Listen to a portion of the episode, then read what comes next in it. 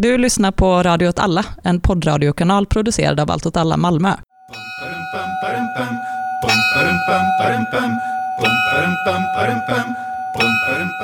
Hej och välkomna till Eld och rörelse. Idag har jag med mig en gäst, André, Hallå, hallå? och eh, vi ska bryta av lite mot Eld och rörelses kanske vanligaste teman. Mm. Vanligtvis i Eld och rörelse så pratar vi om eh, historia och krig och vapen som har Ja. skett eller kanske kommer att ske. Mm. Aktuella händelser också. Ja, precis. Men idag ska vi prata om kultur. Närmare bestämt datorspel. Krigsdataspel. Krigsdataspel. Det är roligt. Det, det är absolut. Det har man lagt många timmar i sitt liv på. Mm. Och fler ska det bli. Det, fler kommer det bli. Vilket tror du är det äldsta krigsspelet?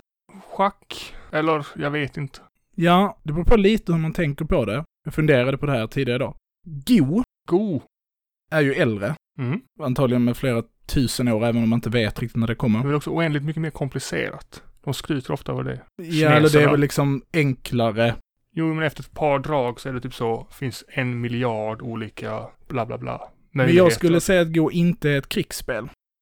Nej, Men att på alltså, är det. krigsspel, alltså abstraktionsnivå, gigantum. Ja, eftersom att, så- de, eftersom att det inte finns någon simulatorisk bit i Go. Nej, inte uttalad i alla fall. Nej, utan det är ju bara svarta, Svarta och vita brickor Mm. liksom. Medans i schack så Det finns det ja, bönder eh, och- bönder. så. Ja, och från början har jag förstått det som är det, så, så vitt man vet, man vet inte heller riktigt schacks historiska bakgrund, men var det elefanter och så med? För att det är typ ett indiskt spel, eller Okej. kretsar runt in, eh, från det indiska riket. Ja, coolt. Krigsspel, underhållning, eskapism liksom. Absolut. Men det har ju också, spel har ju också en ganska central dimension i faktiskt krig.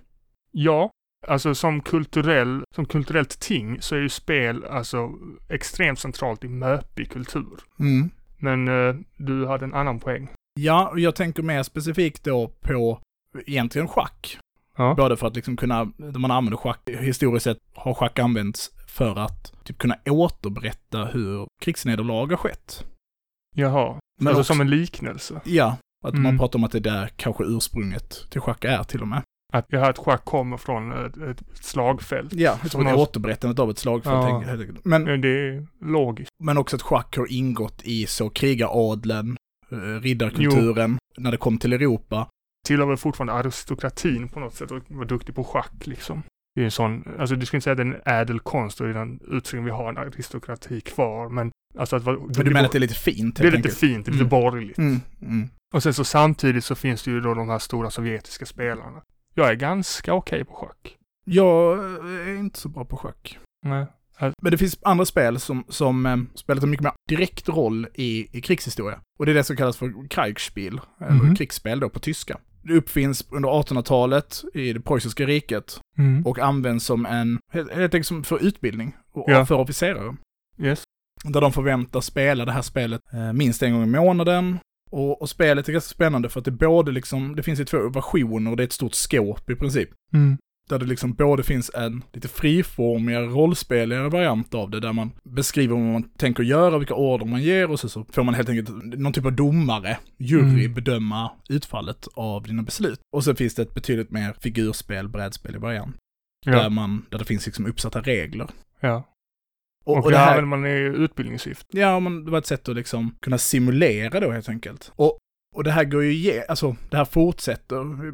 Det finns några nedslag i historien man kan ta. Efter första världskriget så var, skar man ner den amerikanska flottan jättemycket, budgeten på den. Mm. Och då hade man inte råd med eh, storskaliga övningar inom amerikanska flottan. Och då blev liksom krigsspel ett alternativ. Ja.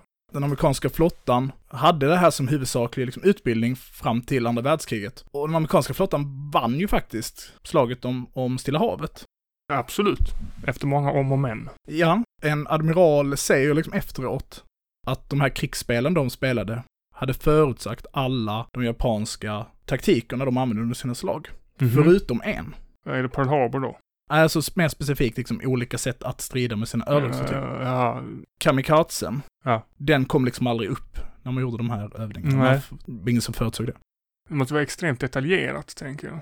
Alltså just eh, båtspel, eller flottspel. Ja. Jag tänker att det passar bra när det kommer till att simulera liksom Mm. maskiner. Det finns ju Silent Hunter-serien Precis. som är mycket bra spel. Också ett spel, och det har jag tänkt på, eh, där man kan spela som tysk. Spela som tysk ubåtsofficer tror jag genom hela serien. Ja, de, de gillar sina Wolfpacks. Mm, Och eh, den tyska ubåtsvapnet, eller Mm. tyska marinen har en speciell ställning i berättelsen om Tyskland under världskriget. Mm, jättespeciell. Och den, Ja. och det, både populärkulturellt, men även under själva andra världskriget så var det ganska svårt att ta ut matroser och eh, befäl till, till ubåtarna. Eh, Av ganska naturliga skäl. Ja, Jag hade fan inte velat vara på en ubåt. Nej, alltså. nej. Fy fan. Ja, det är fruktansvärt. Topp tre sätt, eller värsta sätt att dö på är fan att bli så sjunkbombad. Men precis som du säger att flottan och, och skepp är väldigt bra för datasimulering. Mm. Så är det ju också att de första som bygger en datasimulering är amerikanska flottan. Det är Okej. den första datasimuleringen eh, som, som görs. Och- Den hade massa begränsningar och när den var färdig 1958 så den var tre våningar stor och sen så hade den massa liksom begränsningar Mm. i sig som gjorde att den inte riktigt gick att Men jag tänker sånt där måste ju gå, alltså du sa så här snabbt färdas en torped Mm, mm. och så här många tonnage, bla Ja, bla och så här, mycket, så här mycket bränsle. Ja. För, det, för det är mycket det, om man går tillbaka då till det man upptäckte, när man övade inför, man övade i mellankrigstiden, Mm. mellan första och andra världskriget, så hade officerarna och på, på hög nivå Mm. en, liksom en grundinställning på hur man skulle bekämpa den japanska flottan, som var i princip åka över Stilla havet, möt dem i ett avgörande slag, förinta deras flotta schackmatt. Mm. Och när man testade det här i de här krigsspelen, Mm. så upptäckte man att oj, våra logistiklinjer håller inte, våra, våra, alltså vi kommer okay, på bränsle. ja, ja. Och hade vi tagit det här beslutet utan att ha övat det här så många gånger, Mm. så hade vi antagligen fått hela vår flotta. Men är det, alltså det är logistiken i det hela som brister för att utfallet blev ju ändå slaget med Midway och sen vinner de. Alltså, Ja, japanska flottan knäckt. men bland annat då att man upptäcker i de här övningarna att man, den här, en cirkelformation. Har du sett den filmen? Förlåt. Vilken? Midway-filmen? Nej, det har jag inte Mm. gjort. Alltså, Ja, det är- andra världskriget generellt är inte mitt huvudintresse. Nej. Och amerikanerna under andra världskriget är verkligen inte mitt huvudintresse. Och örlogsfartyg är, Mm. alltså det är så många det är, Minns du Pearl Harbor-filmen? jag har inte sett, den, inte ens den har jag sett. Den är så jävla bra. Är den bra? Alltså, nej, jag är ironisk. Den är usel. Den är inte sevärd. Är- Alltså, den är sevärd ur ett form av så, haha. Men som film är den skit. Okej.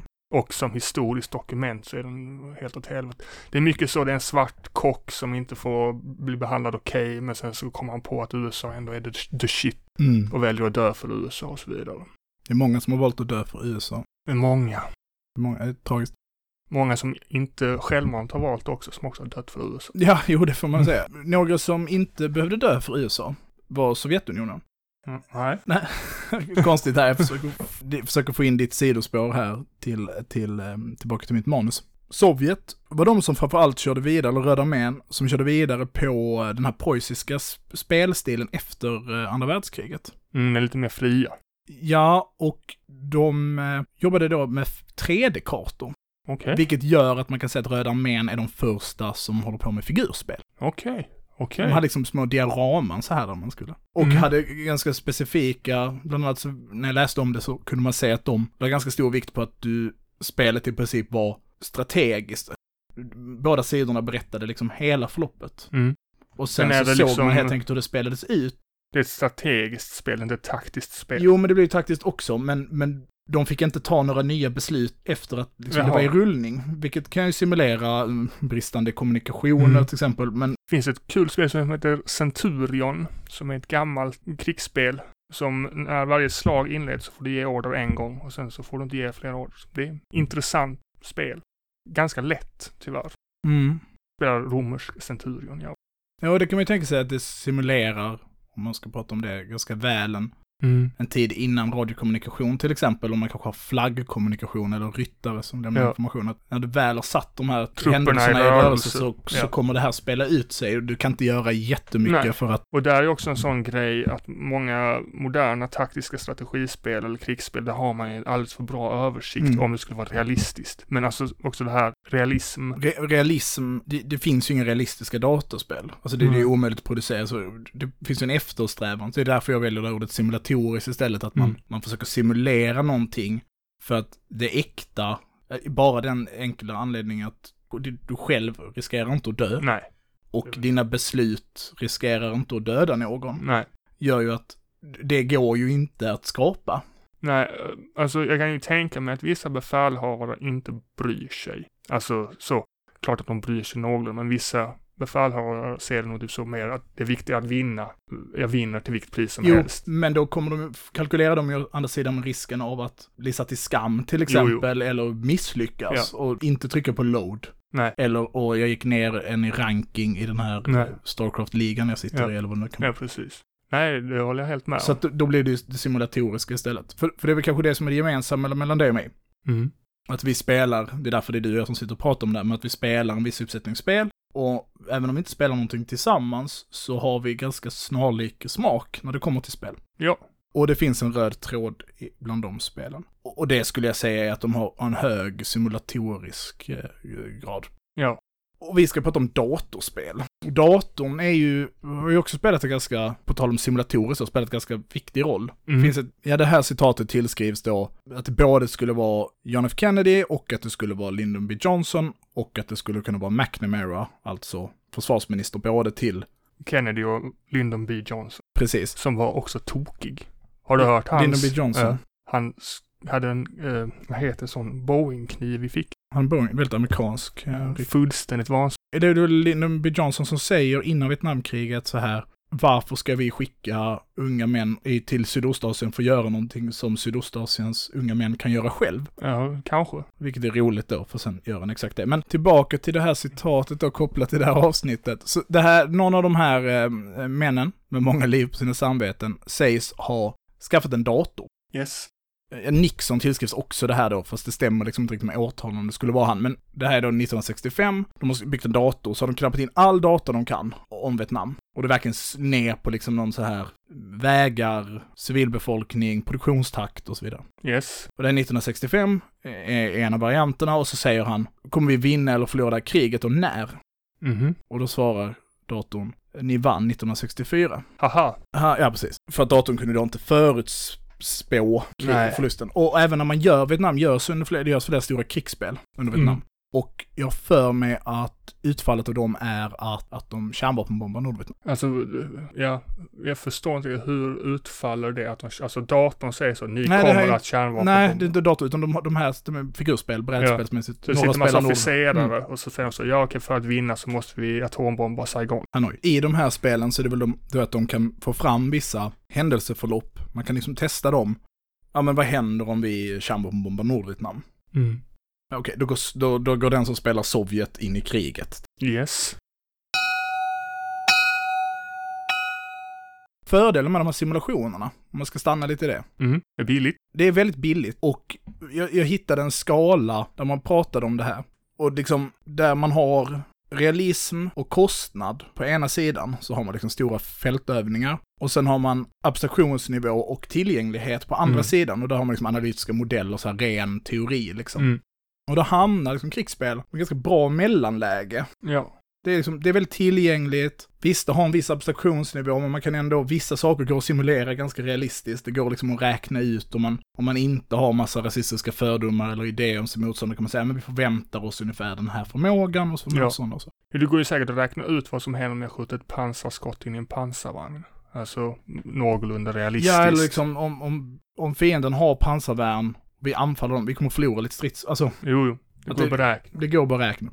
Ja, jag tror det finns extremt många begränsningar. Den stora begränsningen är till exempel då att det är svårt att simulera kanske trötthet hos soldater eller rädsla eller stridsvilja. Alltså det, det kan man säkert sätta ett procentuellt värde. Det. Men jag vet inte. Jag läste, vad heter den boken, Combat Efficiency mm. i någon kurs. Och där har de liksom, de har tagit alla skärmytslingar mellan eh, amerikanska och tyska soldater i Frankrike då 44. Och där kommer man ju fram till vissa resultat som man kan liksom så säga, ja, de tyska officerarna är bättre på det här och de mm. amerikanska officerarna är bättre på det här och hade det här den här materiellen liksom varit bättre så hade vi fått lite bättre resultat Mm. här och där. Men det jag minns från när jag läste den här boken är att det, det framstår som väldigt kaotiskt. Alltså så, det som på pappret borde vara en enkel seger är inte alltid en enkel seger och det som på pappret borde vara en stor förlust är inte alltid en stor förlust. Och det är väldigt svårt att i verkligheten säga det här berodde på, alltså den här möpiga förklaringen. Mm. Hade, hade det funnits 200 sådana här pansarvagnar till där så hade... Mm.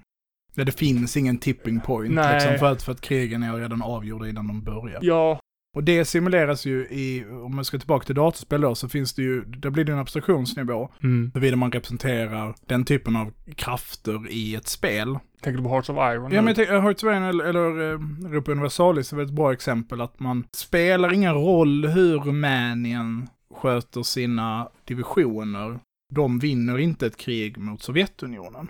Inte själva. Det finns ju så här, den som räknade på Jom Kippur eller som räknade på sexdagarskriget och de egyptiska generalerna som satt och räknade på det. Mm. De kom nog inte fram till de siffrorna som Nej. det sen i verkligheten utspelade sig. Varför spelar man dataspel om krig? Jag gör det mest för att jag tycker det är roligt. Vad är det som gör det, vad, vad är det, som gör det roligt? Det är utmanande. Jag är intresserad av krig. Fluffet så att säga då, liksom. Du, du, du gillar informning. För vad är det som gör att, Alltså jag har ju aldrig upplevt ett krig. men min, min poäng är, spel är ju liksom matematik på något sätt. Jo. Eh, Eller hastighet och liksom fingerfärdighet eller någon koordination. Men vad är det som gör att man just väljer ett spel om krig? Mitt favoritspel är Arma 3. Mm. Armed Assault 3. Och det är ett spel som försöker i så stor utsträckning som möjligt vara realistiskt eller simulatoriskt. Och det beskrivs till och med som en simulator Mm. faktiskt. Och det används ibland i vissa utbildningssyften. Mm. Och just nu spelar jag Vietnammodden. Och det är ju för att på något sätt få komma närmare. Mm.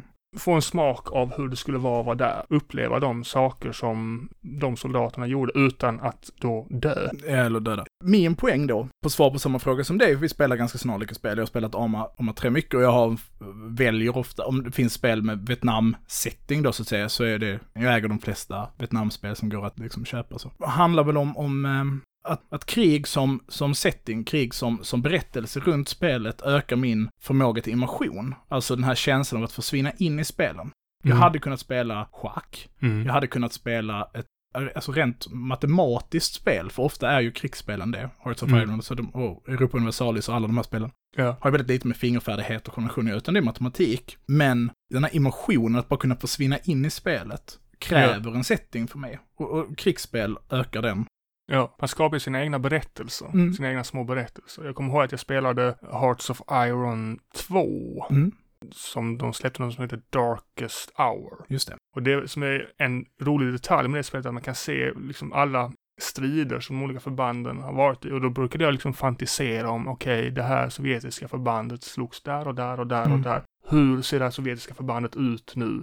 Hur, vilka berättelser har de? Var har de varit någonstans? Då brukade jag liksom komma hela vägen till Italien med Sovjetunionen för att jag är så jävla grym. Och det var väldigt kul. Och då kan man klicka och se så, okej, det här förbandet slogs liksom vid Stalingrad och sen så slogs det vid eh, Warszawa och sen så slogs det liksom här i norra Italien. Och då kunde jag ju sitta och fantisera om, ja, vad, vad pratar de om och hur, hur, hur har de upplevt det? Och det tycker jag är roligt. Ja, både du och jag har kanske ganska hög eh, fantasi. Alltså man också, som rollspelare Ja. i grunden och så också, att man liksom Man drömmer sig bort ofta.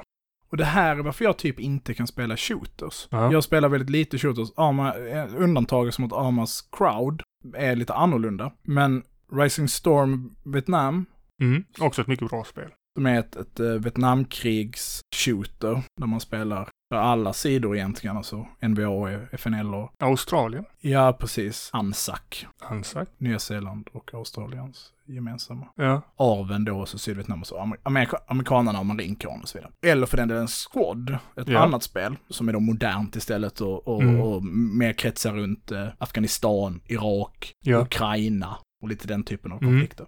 Är att mina medspelare förstör min immersion Ja. Jo. genom att vara fruktansvärda människor. Jo, jo. fruktansvärda, inte människor fel, fru- fruktansvärda killar. Jo, det, det är en tråkig sanning.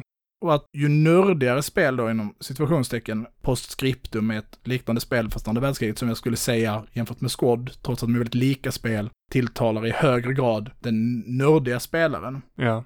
Och Arma också gör det. Så försvinner mycket av den värsta typen av manlig toxiskt beteende. Ja, För att i Squad och Rising Storm Vietnam så är mina medspelare sådana svin. jo. Alltså saken med, om man ska ta skillnaden mellan Rising Storm, som från början var väl ett andra världskrigets-spel som sen Ja. blev ett Vietnamspel, och Squad är ju att i Rising Storm så behöver du inte dina medspelare.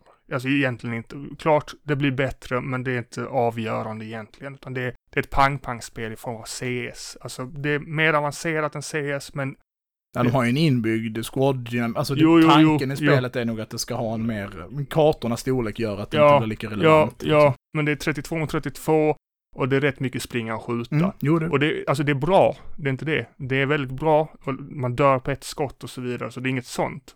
Men squadets spel som för att du överhuvudtaget ska liksom ha en chans så måste ditt lag samarbeta. Du måste ha någon som sköter logistik, du måste ha någon som flyger helikoptern, du måste ha någon som samordnar allting och detta i kombination med den kultur som finns på internet bland de som spelar de här spelen gör att det blir väldigt, väldigt, väldigt jobbigt. Du går in i en squad och sen så inte alltid, men ofta så möts du av någon som liksom så, you fucking faggot, bla bla Mm. Och det är ju, det är vad det är liksom. Och jag tänker på det om det är liksom viljan att uppleva krig. Att vi, vi kommer liksom inte få göra det.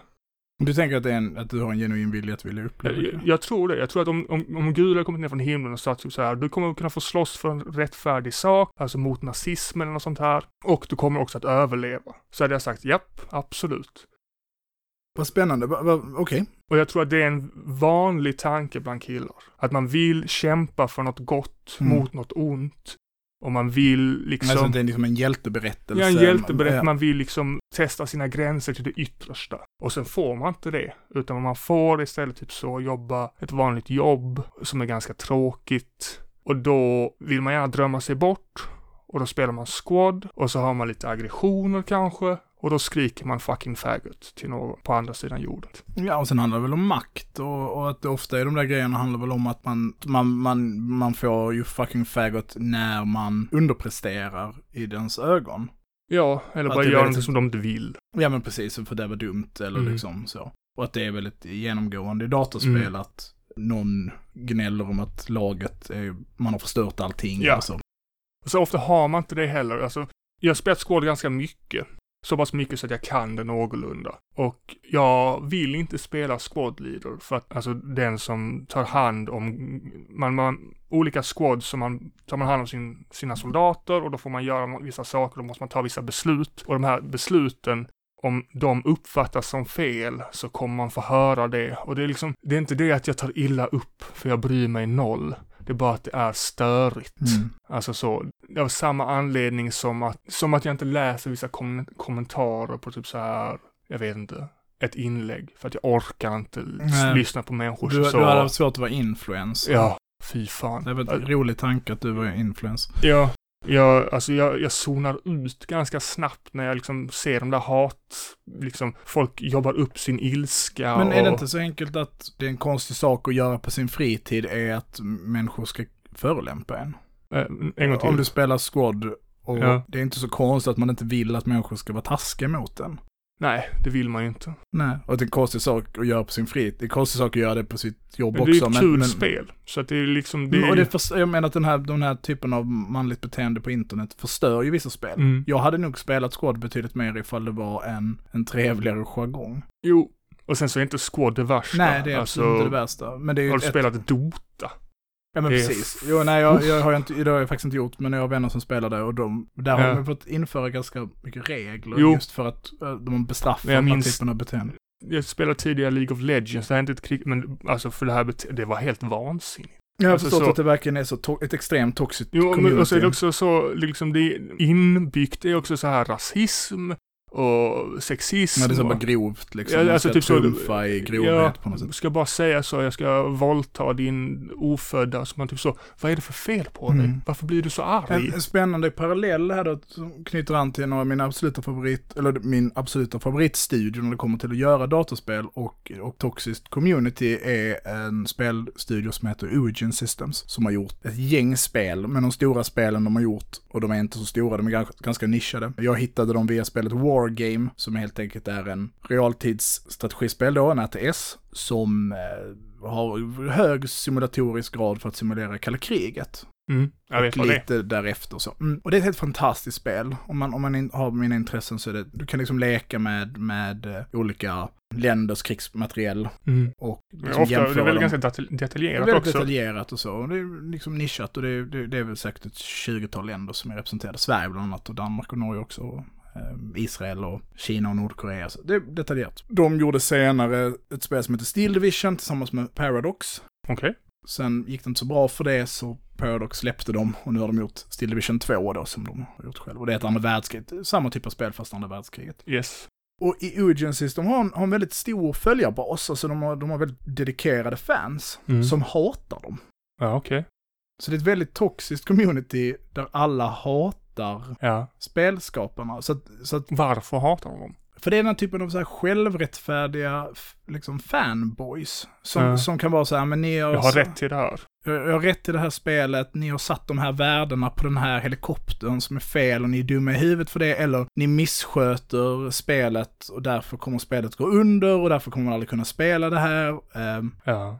och man misstror spelskaparna konstant. Så det är en väldigt märklig, märklig scen på det sättet. Nu har det blivit, blivit lite bättre. Men där man, någonstans var man ju såhär, jag bryr mig uppenbart om den här produkten ni har gjort. Jag bryr mig Mm. otroligt mycket om den här produkten ni har gjort. Jag bryr mig så mycket att jag skriver att ni är sämst i hela världen på Ja. ett forum varje dag. Inte så toxiskt community mellan spelarna, även om det är liksom mycket nazister, eller mycket så folk som vill ha hakors i sina namn och heta olika nazister som Nick och så. Och Origin inte har gjort något bra jobb med att få bort det, Nej. vilket de ju ganska lätt hade kunnat göra. Ja, det finns väl kanske ett marknadsintresse där. Alltså om du bannar spelare som vill spela Tyskland av en speciell anledning så kommer du kanske inte sälja lika många spel. Nu kommer vi in på en annan grej, det är som simulerar andra världskriget eh, och att det är svårt och att det kommer en massa fällor. Men Ogen Systems tycker jag har hanterat det väl. Alltså Ja. att de senaste då, Steel Division 2, kretsar om, ja, när Sovjet befriar Vitryssland. Okej. Mm. 44. Ja. 43. 44. 44. För att komma in i den här diskussionen om andra världskriget spel då generellt så kan man väl säga att det finns en berättelse som är tyskarna är supersoldater, Ja, ja, ja. Sovjetunionen är en hord som har jättedåligt krigsmateriel och tyskarna vinner typ egentligen kriget fast de förlorar på grund av snö eller Mm. någonting. Och så är det inte i de här spelen utan det är det är liksom, det är mer kanske då simulatoriskt och de är väldigt noga med liksom historisk korrekthet och så på något Ja. sätt. Och även i bakgrund och, och så. Jo, det där är ju väldigt intressant hur uh, arméer framställs i spel. Och man brukar ju se det så här att den tyska armén har bra pansarvagnar, den amerikanska armén har flygvapen eller något liknande, brittiska armén har bra artilleri och ryska armén har många soldater. Mm. Och, och, och att det är liksom, och den berättelsen, att det är så, den förstärks ju genom film Mm. och liksom på olika sätt. Och så har det blivit en medveten bild i huvudet. Men sen så finns det ju då också en, en, en motberättelse, alltid. Alltså, eh, Sovjetunionen eh, porträtteras som Vad har Japan i det här? ofta så har de självmordssoldater. Alltså Ja, Banzai-anfall är och sånt. såklart, ja. Ja. Mm. Så hög dedikation, Ja, man ska vara snäll. hög moral och så vidare. Ofta så är inte Japan representerad. Nej.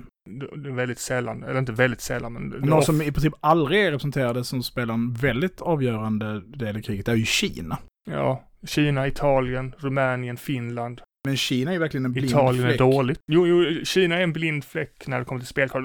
Det finns vissa spel som tar upp Kina. Uh, Wins Main Battle Tank 2 till Ja, exempel. Hearts of Iron har ju släppt ju Ja. en hel eh, Ja. egen DLC som bara rör Kina. och Så, Absolut. Men min poäng här är att det finns den här berättelsen. Mm. Och, och den är, liksom så, låt oss kalla det den allmänna berättelsen Mm. över hur arméer slåss. Och sen så då finns det en motberättelse av fans ofta som säger, oftast är de tvärtom. Eh, Alltså typ så, om jag gillar Tyskland, men så brukar man då säga, ja, tyska armén var inte alls så, utan den var så här så. istället. Mm, mm. Så Sovjetunionen brukar man då säga att Sovjetunionen var, hade extremt bra pansarvagnar och var extremt eh, tekniskt skickliga. Och sen så säger man, man säger helt enkelt tvärtom. Mm. Alltså man har en antites Mm. till sin tes. Ja, precis. Det är motsatta narrativ då på Ja. något sätt. Ja. Mm. Och eh, jag tror att det har mer att göra med liksom vem man själv är och vilken, vilken poäng man själv vill göra mer än vad som är sant. För vad som är sant, alltså vad som är historiskt sant, hur de olika arméerna slogs, det kan vi inte veta eller så liksom, man kan ju gräva men det är inte så intressant för människor. Men du tänker inte att det här rotar sig, jag förstår precis vad du menar och det är väl korrekt och att de, de här berättelserna kan vara, berättelserna kan vara sanna parallellt. Mm och vara sanna under specifika tidsperioder och ja. sen inte gälla längre och så vidare. Men, men vi är ju också uppvuxna i, som i kalla krigets anda. Mm. Vi är båda två födda på 80-talet och, ja. och i den populärkultur du pratar om och de böcker vi har läst så ingår det ju att det finns ett logiskt felslut i den här. Nu, nu ska jag vara en av de här killarna du beskriver, men andra världskriget är en, den mest definierande händelsen i modern tid i Europa. Den, den, den är viktig för mm. att skapa ett, en samhällelig idé mm. om demokrati, om jämlikhet och ja. om vår nation och våra grannländers nation och hela Europa, hela EU. Mm. Men det finns någonting i den berättelsen som skaver, som vi genom populärkultur, och det är inte bara så Hollywood, utan även liksom hur historia skapas, så har man problemet med Sovjetunionen. Och det märker vi inte minst idag. Ja, jag skulle säga att man har ju liksom andra världskriget, den överhängande berättelsen är ju de allierade, alltså demokratierna, är goda. Eh, nazisterna är superonda och Sovjetunionen är också onda. Ja, om de ens får, får vara med i berättelsen. Ja. För det är ju, jag skulle nästan säga att populärkulturellt och dataspel, alltså idag även dataspel ja. specifikt, så är ju Sovjetunionen ofta borttagna. Nästan i princip mm. inte med i berättelsen, utan det handlar väldigt mycket om Normandie, det handlar mycket om Frankrike, yeah. till och med Nordafrika som ju spelar en ganska viktig roll och ett stort, är ju representerad i en viss mängd dataspel. Frankrike står absolut i centrum. Ja.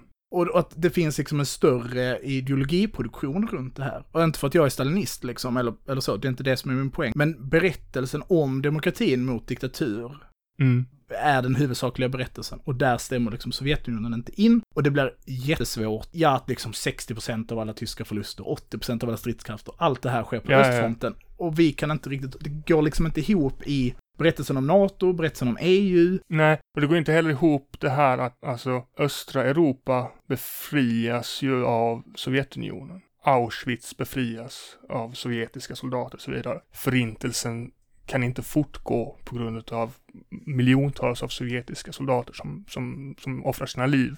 Inte för det. De, de är nog antisemiter, många av de som dog. Men de facto så är det mm. därför de inte kan fortsätta. Och, vilket blir konstigt för att vi får höra mycket om förintelsen och hur fruktansvärd den var, och det var den. Men vi får liksom inte, typ så, varför slutar den? Och då, då blir det väldigt så, ja, när den slutar ju där 44, då drar sig de bort. Och att den amerikanska armén, det amerikanska liksom militärindustriella komplexet, behöver andra världskriget. Ja, okej. Okay andra världskriget kommer ju efter, efter första världskriget om, där USA slutar med sin protektionism och blir, börjar helt enkelt bli ett interventionistiskt land. Börjar lägga sig i konflikter. Det här är ju en stor konflikt under första världskriget som sen får en backlash. Jag vet inte om jag skulle hålla med om det. Alltså USA har varit i Filippinerna, de har varit i Mexiko, de har varit i Europa första världskriget. De har varit lite överallt. Ja, och första världskriget gör, går de ju med under väldigt stort motstånd. Ja. I princip när, i alla fall befolkningen i USA vill ju inte gå med i första världskriget. Alltså utan... det, det, som definierar andra världskriget, det är att USA är ju sen den ledande stormakten. Sovjetunionen och USA är de mm. två stormakterna. Och USA är den absolut största ekonomiska makten på jorden. Och är ju det fram tills idag. USAs ingång i andra världskriget ja. kommer väldigt sent. Den kommer inte för att hjälpa Europa, utan för att de själva blir angripna. Ja. Vilket ju stämmer väldigt dåligt i den amerikanska berättelsen om hur det är de som befriar Europa från nazism. Mm. Och om man då tar med hur relativt obetydlig del USA spelar i slaget om Europa, sett till Sovjetunionen. Ja, ja. Vad det amerikanska militärindustriella komplexet, vad, vilken berättelse har de? Alltså... Vad, vad, skulle de kunna peka på genom sin historia? Jo, men Då det här, var vi det här, är, good guys, det här liksom. är den def definitiva konflikten som USA Och därför liksom behöver de den, den behöver narrativet. Det kan, inte, det kan inte vara så att de spelar en relativt liten roll i befrielsen av Europa. Nej. Utan de måste vara den definierande faktorn. Ja. Och här kommer liksom den populärkulturella påverkan som ändå vi har fått leva igenom. Alltså, mm. för många år sedan var jag i New Orleans och var på, eh, där, där ligger USAs, eh, ska jag säga kanske fel, men eh, USAs nationella andra världskrigsmuseum. Okej. Okay. Ligger i New Orleans. Coolt. Och där var jag. Och, och det var massa stridsvagnar och, och flygplan, jättehäftig väldigt påkostad utställning och de hade mycket krigsmateriel. Och framför en, en Sherman stridsvagn då, framför en M4, så sitter det en gubbe vid ett bord. Och eh, han sitter framför sin stridsvagn. Mm. Det är hans. Han har kört den under andra världskriget. Och det står en massa människor och pratar med honom och så ställer jag mig där och tittar på hans stridsvagn och sen så står det lite folk och tittar på stridsvagnen men det är bara jag som står liksom i hans bord. Han har massa kartor och brev och bilder och så. Så, så börjar jag prata med honom. Ja, först börjar samtalet med att jag pratar skit om hans stridsvagn. Okej. Så skrattar vi åt det. Ja, Du säger att den är dålig? Ja, men så här, Det finns bättre jag hörde ryska? att det var en ganska kass stridsvagn, så skrattar han åt det. det var en Jätterolig gubbe. Och sen liksom i det här samtalet så berättar han att han har varit i Berlin, han tillhör liksom några av de första pansartrupperna som kommer till, de, de, de, han är med och möter upp eh, Röda armén. Mm. Och då säger jag, oj, oj, ja, vilken, vilken märklig situation det måste vara. Och Jo. då märker man, och de som står och lyssnar är lite så, mm, Röda armén och skakar, mm. Och så säger han bara, ja, ryssarna, ja, det var ju deras krig. Det var ju deras krig. Jo, jo, absolut. Och hur de här amerikanerna som tittade kunde, visste inte hur de skulle reagera för han var ju någon auktoritet i den här situationen. Och det han, sen berättade han att han brevväxlat med en, en stridsvagnsförare från Röda armén och de hade brevväxlat och träffats sen eh, flera gånger. Ja, märklig historia. Okej. Och att han tyckte, uppenbart samtal tyckte han det var väldigt befriande att han att träffa någon som också kunde liksom, ville prata om liksom östfronten på något sätt. Ja. Och det tänker jag är så, för USAs del så är andra världskriget otroligt viktigt, för de får vara hjältarna i det kriget. Och det är Mm. därför andra världskriget också återproduceras av många skäl, men bland annat därför, och läggs otroliga resurser. Och jag tycker det är, genomsyrar även dataspelen. Mm. Så om jag då, om jag får åt de allierade, eller demokratierna är goda, de totalitära staterna är olika onda, nazisterna är ondast, eh, så finns det ju då en antites som är ungefär, inte helt tvärtom, men det är typ så, det är en gråskala. Mm. Alltså så det går inte att säga att någon är ond och god, alla gör dåliga saker, så pekar man på brandbombningen av Dresden och Hamburg och så vidare och säger alla de här övergreppen begick amerikanska soldater. Ja, eller det orättfärdiga fredsfördraget efter eh, första världskriget tvingade Tyskland Jo, jo, och så vidare. Och så vidare. absolut. Mm, Ja, ofta så handlar det om att legitimera Tysklands krig. mm, för det är ju den stora antitesen då. Ja, Mm. och sen så då finns det en, en, det finns en meme som är liten hjärna. Det finns onda och goda sidor andra världskriget. Eh, mellanhjärna, alltså liten explosionhjärna. Det finns inte onda och goda sidor i andra världskriget, det är bara gråskalor. Galaxhjärna, det finns onda och goda sidor i andra världskriget, bara att det är tvärtom. Mm. Och det är väl det som är liksom de tre ståndpunkterna. Mm. Och där jag ändå håller med det överhängande narrativet, om man måste ha en sån här berättelse om andra världskriget, så måste jag ju ändå säga att demokratierna, alltså Mm. USA, England, och jag hatar Churchill. Mm. Jag vet att han är ett jävla monster. Ändå är bättre än Hitler och Stalin Mm. och Hirohito Mm. och Mao. Är inte Mao, men vad heter han? Ja, Chiang Kai-shek Ja.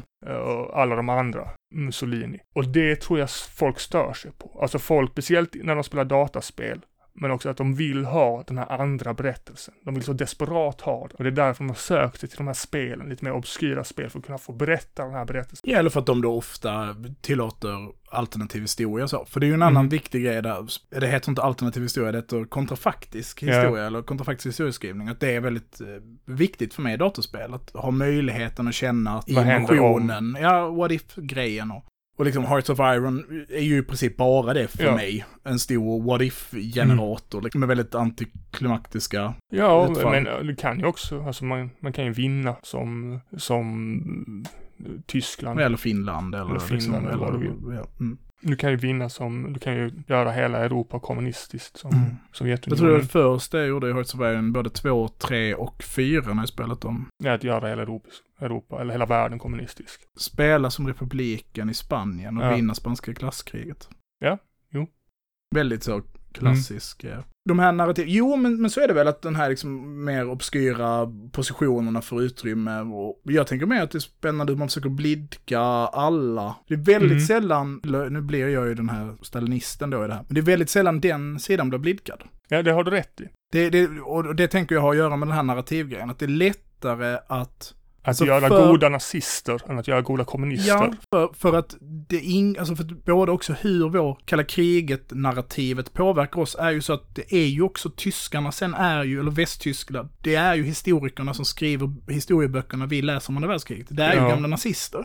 Jag tänker också att spelutvecklarna, och det här är intressant, att spelar man som infant, alltså infanterisoldat, då är man nästan alltid amerikan eller britt. Du spelar inte som tysk. För hur fan skulle det se ut? Åka runt i Polen 39 med en jävla, vad heter den, Nej, Karb du menar så- karbiner. Ja, visst. Alltså, typ, men medan i stridsvagnsspelet så är, du, så är det inget konstigt att spela tysk. desto Liksom.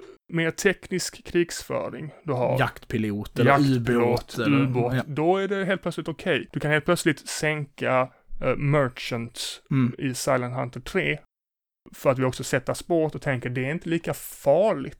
Det är inte Nej. lika hemskt som att avrätta någon. Och det är också de grupperna som, de delar av den tyska, av liksom Wehrmacht eller den tyska krigsmaskinen, som avpolitiseras mest, är ju också ju mer, alltså, kanske inte pansartrupperna då, men, nej. men, men flygplan, Luftwaffe och eh, krigsmarinen, ja. att de avpolitiseras, att du tar Das Boot till exempel. Ja, ja. Det är väl den här båten, det är liksom bara massa folk här, Mm. ingen är nazist. Ingen eller det är en nazist. han är ju typ lite förståndshandikappad Ja. eller dryg eller vad Men också gjorde, de gjorde en ny Boot. Mm. Och där är det någon kille som har en svart tjej. Och så är man så, det är så jävla kosmopolitiskt på den där båten. Mm. Det var ju ofta just eh, flottan eh, ganska progressiv, men det, det är ett sidospår. Alltså de, de sänkte ju fortfarande liksom Civila fartyg. Civila fartyg Stora krigsbrott liksom. Och så ska man spela det, till- vilket är, det är väldigt sällan man gör det annars. Det är väl i princip, eh, princip eh, ubåtsspel. Jag tänker att civila mål, för, för det här är ju Ja. någonting annat spel väldigt sällan simulerar, är ju krigsbrotten eller Mm. civila förlusterna. Det är, vi har ju det här Call of Duty-spelet, Ja, där man, där man är i ett, ja just det. Ja. i ett scenario. No Russian. Ja, precis. För möjligheten att, att döda Och meja civilister. ner. Mm. eh, Mm. Möjligheten att begå terrorbrott. Ja, och det är väldigt sällan med. Ofta Mm. är det i så fall väldigt hårt bestraffat, liksom. Du, du misslyckades. Jag tänker på eh, SWAT-spelen. Ja, just det ja. Väldigt bra spelserie. Mycket bra. Förutom att man inte fick spela andra sidan i. Svårt att spela som Charles Manson typ. Ja. Men kul. Men, men det är liksom att skjuta civilisten var lika med förlust på något Ja. sätt. Men just i ubåtsspel så verkar det vara helt okej att döda civila. Alltså civila och civila, du sänker ju tonnage från de allierade. Och skitsamma vad det är. Jo, Det- jo, men det- om det- motsvarande spelat så här, du ska brandbomba kullagerfabriken har- utanför Dresden, hade varit ett konstigt... Det finns spel där du spelar, det finns ett ganska roligt spel nu som heter Bomber Crew. Ja, det har jag spelat, ja. Mm. Det här är ju liksom tecknade figurer Mm, mm. Som, som, som bombar fabriker i städer. Och, och, detta har de med liksom... Alltså det är alltid en stridsvagnsfabrik, men what the fuck? Vilka jobbar i Nej, stridsvagnsfabriken? precis, det är ju civila liksom. Ja, det kan vara strafffångar. Ja, ja. Det kan vara amerikanska krigsfångar. Men, krigsbrott som väldigt ofta presenteras på film. Är det Ja. spel. Nu är vi väldigt mycket inne på andra världskriget, men det ingår väl i liksom Mhm. krig och spel mycket. Men det är ju att sovjetiska krigsbrott Jajamensan, är inga problem att porträttera. Nej. Kommissarien som skjuter flyende och så vidare. Precis. Då får man moral plus ett om man gör det. Jo, precis. Och det är väl också det här att när man spelar Sovjetunionen så är det sällan man får göra det från perspektivet av en sovjetisk soldat. Jag kan inte komma på en, en ja, FPS. men är inte Red Orchestra? Är Jo, det men det så då? är ju bara ett multiplayer-spel. Jo, tidiga Call of Duty. Där Just det. spelar du som rysk och prickskytt. är ja. väl inte en helt ovanlig, Nej, nej, det, det stämmer. kan man väl tänka sig. Som kvinna då. inte men där har du också inslaget att du blir meja ner civila soldater hela tiden. Just det. För de, de är väl i princip Men det är också att de- Gates. eh, Ja, precis. De försöker ju hela tiden återberätta de här Hollywood-filmerna Mm. i spelen. Och det är då, alltså, spel följer ju ofta Hollywood. Alltså ett steg efter. Mm. Att Mm. typ så, när... Band eh, of Sa- Brothers. Ja, Sailing eller- Private Ryan, Band of Brothers kom ut, så kom det många Mm, spel mm. som försökte efterlikna den här gråa estetiken. Det är kanske att vi är så relativt unga när de här, den här ändå kommer. Hur ser det ut med tidigare andra världskrigets spel? Eller kommer liksom en ny våg av andra världskrigets spel där och att vi bara inte har... Alltså jag tänker tidiga FPS innan dess så är det ju liksom blobbar. Alltså innan... är det innan Doom och, Ja. och Duke Nukem och... Ja, och sånt. Och då är det skitsamma. Mm. Alltså det, det ser Det ju... kommer liksom där också. Vad tror du är det mest framgångsrika strategispels, dataspels eh, serien? Serien. Eller liksom märket? Starcraft. Total War. Total War. Eh, bra spel. Peter har Englund har också- skrivit en recension av Total War. Medieval Total War 2. Jajamensan. Där du länkade den innan. Mm. Total War-serien, spelat mycket. Ja, det har jag gjort. Jag har spelat mycket Rome, Total Mm. War. Och du har spelat mycket Empire. Ja, men också mycket Rome och mycket Medieval. Det är ju lite det att jag inte är så jätteintresserad av, Knektar och kungar. ja, och liksom innan 1900-talet så. Jag har ganska specifik smak på det sättet. Men mycket då tror jag för att de här stora berättelserna inte finns för mig på det sättet. Hade jag läst det mer hade jag säkert haft ett större intresse för det. Men alltså jag förstår varför den var så framgångsrik, framförallt med grafikmotorn den hade när den kom. Och Ja, det är väldigt lyckats kombinera, ja, och de lyckades också kombinera ett strategiskt och taktiskt Mm. spel på något sätt. Och även här, samma, alltså du kommer ihåg att det kom massa episka filmer. Mm, just det. Att det, det gjorde ju det. men Alltså, 300 och 300, vad hette den? The Gladiator Ja. Kingdom of Heaven. Mm. Och då försöker man liksom återskapa den känslan Mm. i spelen. Hästarna som red fram och liksom... Ja, precis. De här stora, episka... Du, du, du, du, du, så dör folk. Här kan man ju verkligen prata om hjälteberättelser. För att här finns ju inte den gråskalan på samma nej, sätt. nej. Vem är ond och god liksom så. Nej. Men jag vet inte, av någon anledning så verkar det som att de här spelen inte är lika tilltalande för möpar. Jag, Nej, nej för att, för att, för att det hänger väl ihop med, med eh, tanken på krig som vi upplever dem idag. Alltså jag känner väl Mm. mina rommöpar, men, men att det som i andra världskriget som tilltalar alla med andra världskriget, det blir både det du pratade tidigare om att liksom något rättfärdigt, Ja. liksom ett rättfärdigt krig. Det, det är liksom, du sitter inte och romantiserar, fast nu finns det väl å andra sidan sådana galningar, men bara tänk att få åka till i något oljekrig och bara dö, alltså. jo, jo, jo. Men det finns inte heller den här liksom extrema ställningstagande, typ så ond, god, Nej, rätt, precis. fel. Nej. Utan det är typ så, hundraårskriget verkar ju bara varit liksom ett krig mellan olika furstar om Men- whatever the fuck liksom.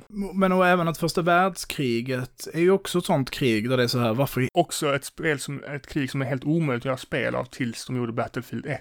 Och Battlefield 1 har ingenting med första världskriget att Nej. göra. Ja, och för att Hearts of Iron har ju en stor Jo, jo. första världskriget-mod då, för att på den abstraktionsnivån går det Mm. någonstans att göra det. Det handlar mer om produktionskapacitet eller Jo. liksom så. Om man skulle göra ett spel där du liksom sitter i en skyttegrav och sen skulle gå ut i ingenmansland och bli bortsprängd av så... Nej, precis. Det, det, det, inte ger inte utrymme för hjälteberättelser på det sättet. Jag skulle dock vilja hävda att det bästa brädspelet, för kan vi ta en annan diskussion, men det bästa krigsbrädspelet som någonsin gjorts eh, handlar om första världskriget. Ja. Path to Glory. Det kanske också är en poäng här, att vissa krig, eller alltså krigstekniken är så pass tråkig under första världskriget att det är väldigt svårt att göra. Det, då får man göra som de gjorde i Battlefield 1, att det blir liksom ett actionspel Mm. av någonting som inte var så actionfyllt. Medan under andra världskriget kan du fortfarande liksom ha emotionen, att du tror att du är där, du land, alltså det händer Mm, saker på mm. västfronten som liksom är häftiga. Jo, men om man zoomar ut då, så att Jo. båda sidorna inte ska vara vita, så har ju första världskriget också det. Alltså Jo, hela, i här Afrika ja, eller hela Mellanöstern så är det ju ett, ett helt annat typ av krig. Mm. Med, med ryssar och, och liksom eh, Ottomanska riket. Ottomanska riket och eh, brittiska expeditionary forces Mm, jo, och så. jo. Där är det mycket mer rörligt och det händer mer, men det är ingen som vet vad det är. Nej, för det är väl här också det kommer in. Och, och varför Vietnamkriget blev så stort medan Koreakriget inte alls är Nej. gjort i spel på samma sätt. Nej, det är nästan helt bortglömt. Och det kallas väl också det bortglömda kriget. Gör det? Jag tror det kallas det Ja. Forgotten War, Koreakriget. Och jag kan typ ingenting om Korea. Nej. Eller jo, jag kan så huvuddragen, Mm. men inte tillräckligt mycket. Och jag vet inte varför det har Nej, det- blivit. Eller det- jo, jag vet varför det har blivit så. Jag tänker att det är svårsålt, Koreakriget. Fast egentligen inte. Det är moderna vapen, det är rätt... Ja, det är väl lite, det är väl, mm, det är väl lite så, först, eller andra världskrigets vapenteknik. Jo, men hur många plus- andra världskrigsspel har du inte gjort? Alltså precis. Nej, men det handlar väl om att berättelsen om Koreakriget inte är lika, Den är inte lika enkel. den är inte lika populärkulturell. För Vietnamkriget, som ju är ett väldigt snarlikt krig Ja. till Koreakriget, har ju nästan det omvända när det kommer till populärkultur. Mm. musiken, alltså den fantastiska musiken som produceras, den rörelse som finns i hela världen som Jo. kretsar runt Vietnamkriget, ställningstagandet och det, det är stort Jo. och det är st- du kan liksom känna det, du kan gå in och ha den här diskussionen när, när någon säger så, USA hade, hade kunnat vinna kriget om de hade velat, de förlorade inte alls det kriget, det är ganska vanligt så, och så kan jag få komma in och säga, sett till förluster, så, eller så var, vann Nordvietnam, Nordvietnam vann på alla plan, och så kan någon annan sitta och säga, solidaritetsrörelserna vann kriget, och så kan man få känna sig viktig. Så att Ja. där finns ju de här berättelserna, som Koreakriget lite Men saknar. Koreakriget saknar också slut. Alltså så. Men definitivt slut. Ja, liksom. definitivt Ja, slut. Det, ja. det, det slutar liksom i ett... Mm.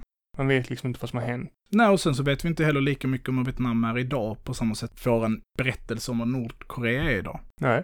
interesting stuff. Det är intressant ja. Koreakriget är verkligen så. Fundera, ja det är ju Wargame då. Mm. Tillåter ju en att spela något modernt Koreakrig eller 80-tals Koreakrig. Finns ju arma-mods, måste jag påpeka. Såklart, men det, Det det, gäller det, allt. precis. Det, det är inte... Finns det inte ett krig som det finns en arma-mod till? Det finns ju en annat spännande fenomen i de här, ja men simulatoriska spel. Det är att vissa av de spelen jag spelar uppskattar jag inte ens. Nej, just det. Ja, då, vissa spel är inte kul. De är liksom inte roliga. Jag tänker Nej. framförallt på Armored Br- Brigade. Ja, Mm. Som jag liksom försökt, det var bara några dagar sedan jag, min, mina barn sov, jag försökte, ja men jag ska sätta mig och spela. Min, min sambo var ute och drack. Ja. Jag ska som spela. sambos gör. Bör. Och jag skulle sätta mig och spela Armored Brigade och jag spelade i en timme och sen var det så, fan jag har inte haft kul. En enda, alltså, Nej, men har man kul så är det någonting fel. ja men, ja, det, så det finns Jag sitter ju bara i editorn i armor. Bara sitter och klickar. Bara Mm. försöker få saker att funka som inte funkar. Ja, det är frustrerande och så ska Ah. man googla och så sitter man liksom Ja. fast i att det Och så blir det fel. Så blir det fel, så, blir, så blir det dumt fel. Typ, så den vänder sig upp och ner och bombar sig själv. Så man bara varför? mm. Va, vad är den speltekniska liksom så? Kan Ja. inte bara göra så att jag klickar att han ska skjuta där? Men Armored Briga- Brigade alltså. Mm. Vi behöver inte fastna vid det, men jag tänker att det finns ett annat ämne i det här är väl en stor fördel då med, med krigsspel för min del är att de är väldigt lärorika. Att de är ett sätt för mig att, så mycket populärkultur är ett sätt för mig att liksom ta mig an att förstå saker. Och innan du hinner komma med din invändning som jag ser att du har i ansiktet, så, så skulle jag vilja säga att fördel med den några steg bort från Battlefield-serien till Ja. exempel, är ju att du kan få en typ av kunskap om de här konflikterna.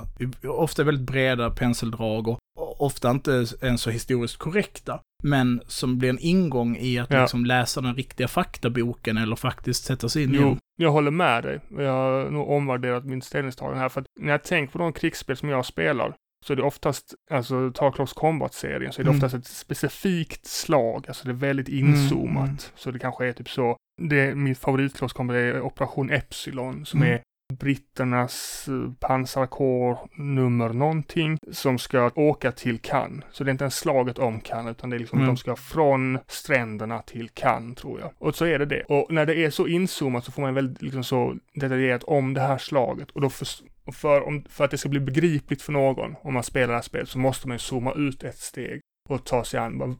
Okej, varför är de här? Vad Mm. gör de här? Och de olika soldaterna. Och sen så får man också andra berättelser när man spelar det spelet. För de tyska soldater man möter är väldigt dåliga. Mm, precis, det är så Ostruppen. det är Precis, som barn och tvångsrekrytera. gamla Och...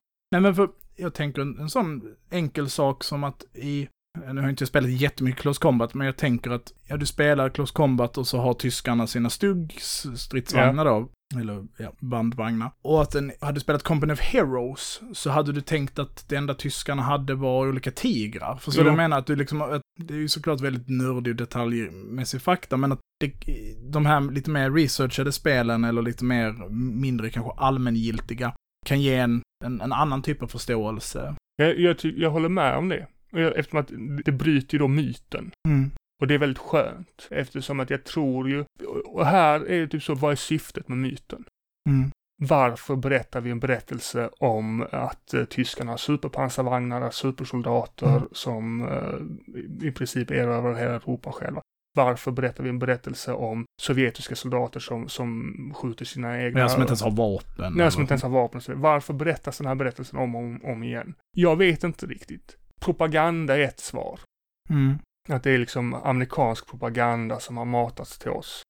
För att sedan rättfärdiga liksom USAs beteende under kalla kriget. Mm. Och, och det är kanske ett svar. Ett annat svar är för att det var så människor i väst och vi tillhör väst, du och jag, upplevde saker. Alltså typ så, de upplevde tyskarna som supersoldater som erövrade Frankrike på en månad Mm. och, och liksom och de upplevde eh, amerikanerna som de som befriade dem och de upplevde sovjeterna, eller sovjeterna, ryssarna som liksom barbarer från öst.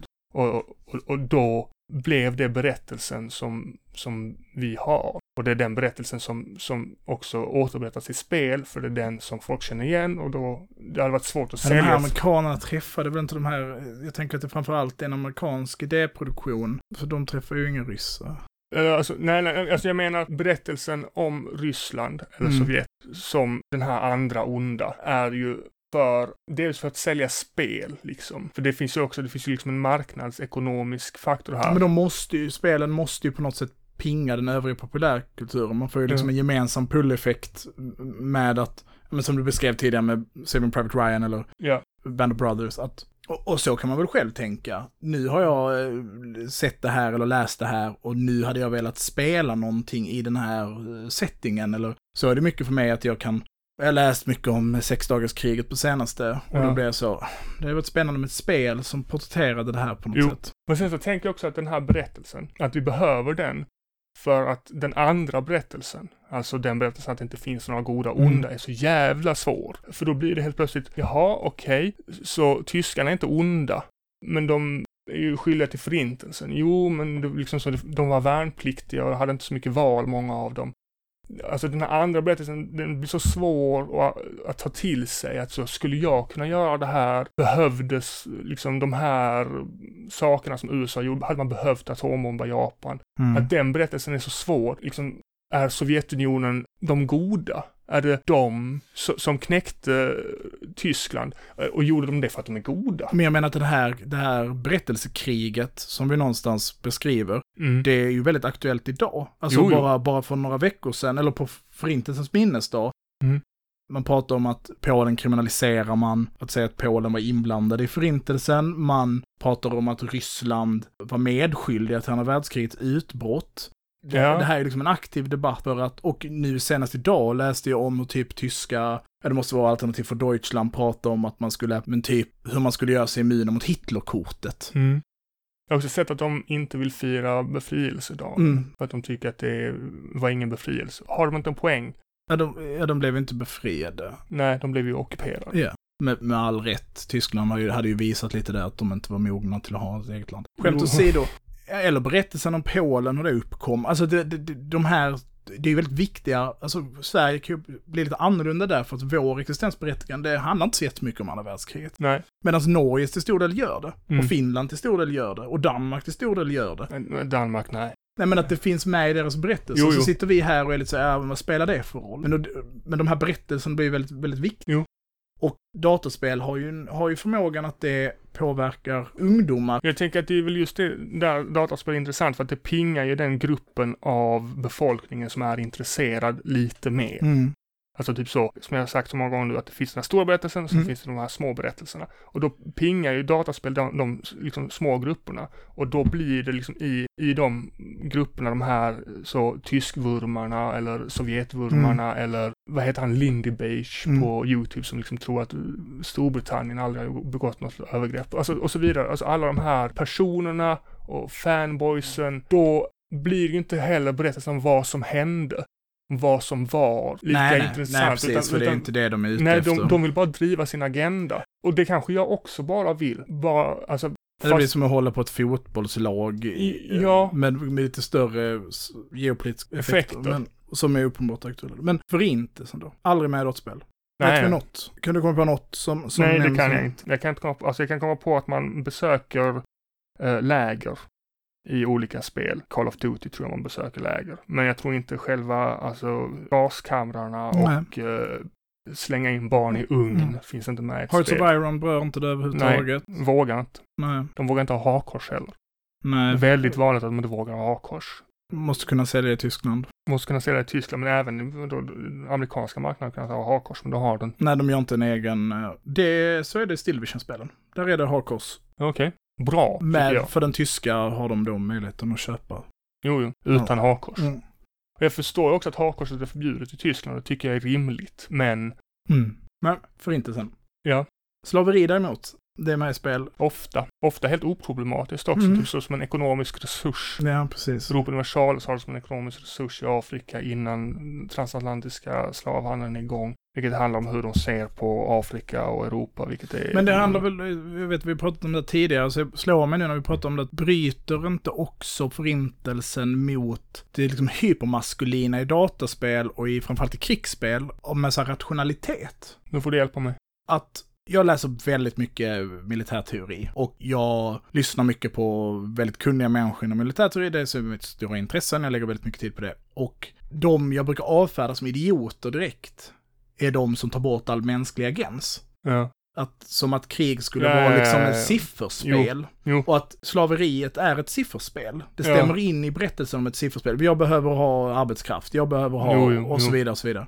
Men förintelsen, inte i arbetslägren, inte som slavar i, i Nej, Dödsläger. Utan så att, varför i helvete ska jag lägga massa energiploddar i mitt datorspel på att döda massa människor i ett stort förintelseläger? Det, för att det framstår inte som logiskt. Förstår du hur jag, hur jag menar? Jo, och, och förintelsen är väl en kulturell, alltså typ så det är ju djupt förankrat i den nazistiska men, ideologin. men att ett datorspel på den abstraktionsnivån som Hearts of Iron, ett strategispel, skulle, kan inte liksom representera, för att det lika lite som det kan representera det mänskliga offret med att förklara krig, eller vetskapen om att jag kommer skaffa massa föräldralösa barn. jag tänker att det har ju en så speciell status. Jag menar, tänk den knappen i Hearts of Iron så okej, Himmler har nu sagt att jag måste ha fler tågvagnar för jag måste gasa fler barn. Mm. Och du måste trycka ja, eller typ så om du trycker nej så kommer en del inom det nazistiska partiet bli sur på dig. Mm. Det hade ju gått, men eh, det finns nog ingen som har bals nog att göra det. Nej, med- medan Sovjetunionen får sin purge. Det är Jo, ju en annan jo, sak och den är mer militär och därför kanske stämmer mer in i, i, berätt, alltså i settingen på spelet. Jag vet ju inte, det börjar 36 va? Mm. Ja, då är ju jordbruket kollektiviserat. Men jag Ja, undrar... de har ju med motsvarande grejer. Eh, De har med, de har med några kollektiviseringsmöjligheter och så när du spelar men har de med svältkatastroferna och hur man Nej. liksom Nej. använder det som ett vapen mot bondebefolkningen för att tvinga på dem, ja, Be- kollektivt behöver inte jordbruk. vi diskutera det specifikt. Nej, men, men skämt åsido så, så de berör i alla fall utrensningen inom militären. Den militära utrensningen Mm. berör dem. Alltså, det är ett spel som saknar civila. Alltså Hearts Nu of kommer Iron. det senaste, det, sist, sen, Jo, det, och sen- det blir intressant. intressant. Framför allt för hur de gör med förintelsen då. Mm, Eller jo. för de berör det, den Det, det finns ju, alltså, om jag, jag har kollat på lite videos och då är det liksom olika sätt man förtrycker sina regioner. Mm. Och hur de olika ideologierna förtrycker olika. Jag antar väl att Sovjetunionen, alltså totalitära regimer kommer förtrycka, alltså det På ett vara, annat sätt eller ja men det är väl olika smaker på samma glass Mm. eller skitsamma. Det är liksom, men jag vet inte riktigt. Så jag ska inte säga det, men som jag kan se det så finns det ingen som riktigt vågar beröra det. Alltså det finns ju nynazister som har gjort spel. Mm, Mo- moddar till Mm. spel som är djupt obehagliga. Mm. Tänk att vi inte behöver gå in på så här spec- alltså, så det, på så sätt så finns det ju spel såklart. Jag bara tänker med lika lite som civila är representerade Mm. är för civila offer är också, det finns ju med i vissa spel. Men det är väldigt väldigt, sällsynt. väldigt sällan ja. Utan det är alltid tomma slagfält utan. Ja, och det är ju för att också är ett spel i slutändan. Alltså så, även de spel som verkligen anstränger sig som arma, där, när man spelar de banorna så är det väldigt få civila, väldigt sällan. Det är liksom... Jag tänker mer specifikt till och med spel som handlar om counterinsurgency. Mm. Till exempel ett Vietnamspel, Vietnam 65, som ett eh, counterinsurgency-spel. Mm. bara spela amerikan. Där är liksom civila eh, extremt bortabstraherade i Ja. ett spel som ju rimligtvis bara borde handla om relationen till civilbefolkningen. Jo, om jag tänker så här, skulle man vilja spela det? Så, Ja, ja. jo, vi säger ja. Men låt oss säga att en AAA-studio hade satt sig ner och satt så, så nu ska vi göra andra världskriget på ett nytt sätt. Du ska spela tysk, eller du ska spela ryss, eller britt. Och du ska inte längre ha de här klassiska eh, stormningen upp för stranden. Nej, nej Omaha Utan liksom. Eller vad Du ska ha uppdraget där du hittar partisaner eller tilltänkta partisaner. Jag skulle, jag skulle till och med, ja alltså, äh, okej, jag skulle säga så här, du, du har ett Battlefield-spel, det, det är Frankrike, det är Normandie, ni slåss om Le Havre eller vad fan det nu Mm. kan vara. Urban terräng. Mm. I vissa av rummen i huset så ligger det civila och skriker, skjut mig inte. Ja. Då- Inte ens det finns ju. Nej, för jag tror inte det, alltså. Nej, det- jag, jag säger inte att jag vill ha det. Det nej, vill jag väl inte ha. jag, för jag, jag, fattar, alltså, det, Varför skulle man vilja ha det? Man är liksom? ingen sadist på det sättet, men alltså så här, det handlar väl om att det ska inte bli för verkligt. Det ska inte bli så att jag ska, jag ska kunna tänka mig att så, ja, jag, jag leder Tyskland till seger.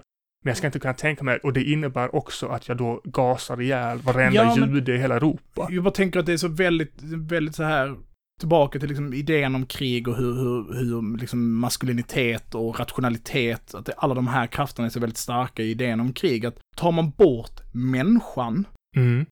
ur krig så är det bara matematik. Men i realismsträvan kan ju vara extremt stor Jo, i de här jo. spelen. Och den här stridsvagnstornet vänder sig så här många grader i den här hastigheten. Ja, precis. Och det här geväret har den här utgångshastigheten. Ja, och- eller, ja, precis, och så vidare. Men, Men, ja. två saker man aldrig ser, civilister och att tyskarna mest om det och det finns, ja, jo. ja. ja. Nej, det är sant. Det finns ju då eh, Space Station 13s mod Lebensraum. Men det är ju, du är inne på moddarna igen. Jo, jo, alltså, men jag måste gå dit för att hitta Mm. de här spelen. Det, alltså, så, så, det finns representerat, men då blir det så jävla sub, sub, sub, sub. Alltså, Mm. då, måste du, då, är det, då är det ett par. Varför är det så då? varför det finns representerat, Nej, eller varför, varför, alltså, jag, jag tror att marknadsekonomiskt intresse, ett. Två, så tror jag att den här berättelsen, den här helt vanliga män-berättelsen, att Mm. det kunde varit du, Martin, det kunde varit jag, André, som hade stått vid en gaskammare. Och att det, är väldigt svårt, det är ett svårt piller att svälja. Jo, men skit i gaskammaren. Det finns civila i stridszoner. ja. det är det jag menar. Att, att, att när berättelsen blir så pass verklig, så pass nära verkligheten att det hade kunnat vara du som panikade och sköt ihjäl en, en, en, Mm. en gubbe eh, istället för en soldat. Och, och det är ju verkligheten. I verkligheten så hade det kunnat vara du och jag. Om vi hade varit födda 1920 i Tyskland, Mm. blivit inkallade som 19-åringar och sen så hade vi inte här, liksom en Mm. lång rad olyckliga händelser, så hade vi stått där och så hade vi dödat massa människor. Och så är ju verkligheten. Man, man hamnar i en situation som man inte vill och sen så kan man inte göra något bra Nej. val. Och folk vill inte spela det. Jag hade kanske velat spela det. Och, och här återigen så finns det ju vissa spel. Det finns ett spel som de har utvecklat för att mm, hantera PTSD i amerikanska försvarsmakten. Ett skitdåligt spel, rent spelmässigt. Men där är det sånt att man liksom eh, råkar skjuta ihjäl någon irakisk gubbe och det är mycket att folk skriker och det är mycket ljud och sånt. Mm. Jag tänker att vi ska avrunda nu. Det här väldigt spretiga Ja. avsnittet. Jag, får lycka till med klippningen. ja, men tips. På spel. Datorspelstips. Om man är intresserad av dataspel och krig. Säg ett, ett tips och titta in. Alltså vill man ha grovt bröd, alltså vill du ha the shit, alltså inget sånt, då ska du spela Space Station 13 Lebensraum mod. Då kan du spela som polsk civilist. Då kan du begå krigsbrott. Men tänker du att någon som lyssnar på det här, Nej, som, kommer, som inte redan har kommit i kontakt med det här, kommer vilja spela det? Om Ja. du, du går hem och slår igång en dator, om vilket krigsspel då spelar jag Arma. spelar Arma? Det är Ja. också ganska hög tröskel in i det. Jo, För, nej men så, men det kan vara värt det. Det skulle jag säga, det är väldigt... alltså Arma 3, jag försökte väldigt länge göra en realistisk variant av slaget vid Fallujah. Mm. Och det var rätt intressant, där man spelade som civil. Och det finns civila med i det spelet. Alltså där jag läste på Wikipedia-artikeln, vad var det som hände, så, så försökte jag härma det. Det gick inte jättebra, men det går. Man kan väl mer tänka Arma som en plattform för andra spel. Det är ett spel som ger dig väldigt många olika simulatoriska... De har ju en editor där du kan göra Mm. vilket krig du vill. Alltså du kan göra, du behöver inte ens göra krig, men du, du kan liksom sätta ut soldater i de alla möjliga tänkbara situationer. Och sen så beroende på hur skicklig du är så kan du göra rätt så avancerade grejer. Vilka spel rekommenderar du? Jag rekommenderar att man kollar in eh, Wargame-spelen. Ja. Red Dragon är det sista de släppte i den, i den serien. Och eh, Still Division 1 och 2. Eh, De, alla förutom Still Division 2 är nog ganska döda nu, men eh, som i, de inte har en så levande spelkrets. Tvåan är, är aktiv. Men eh, Wargame har i alla fall en stor behållning som single player-spel. Mm. Och här tänker jag att vi avrundar det här avsnittet. Det var kul. Ja, trevligt. Om man vill fråga någonting eller komma i kontakt med oss så kan man besöka vår Facebook-sida, Eldrörelse, eller kan man följa med på Twitter. Där heter jag Trojkan1337. Och eh, ja, vi hörs igen om två veckor. Ha det fint. Hej då!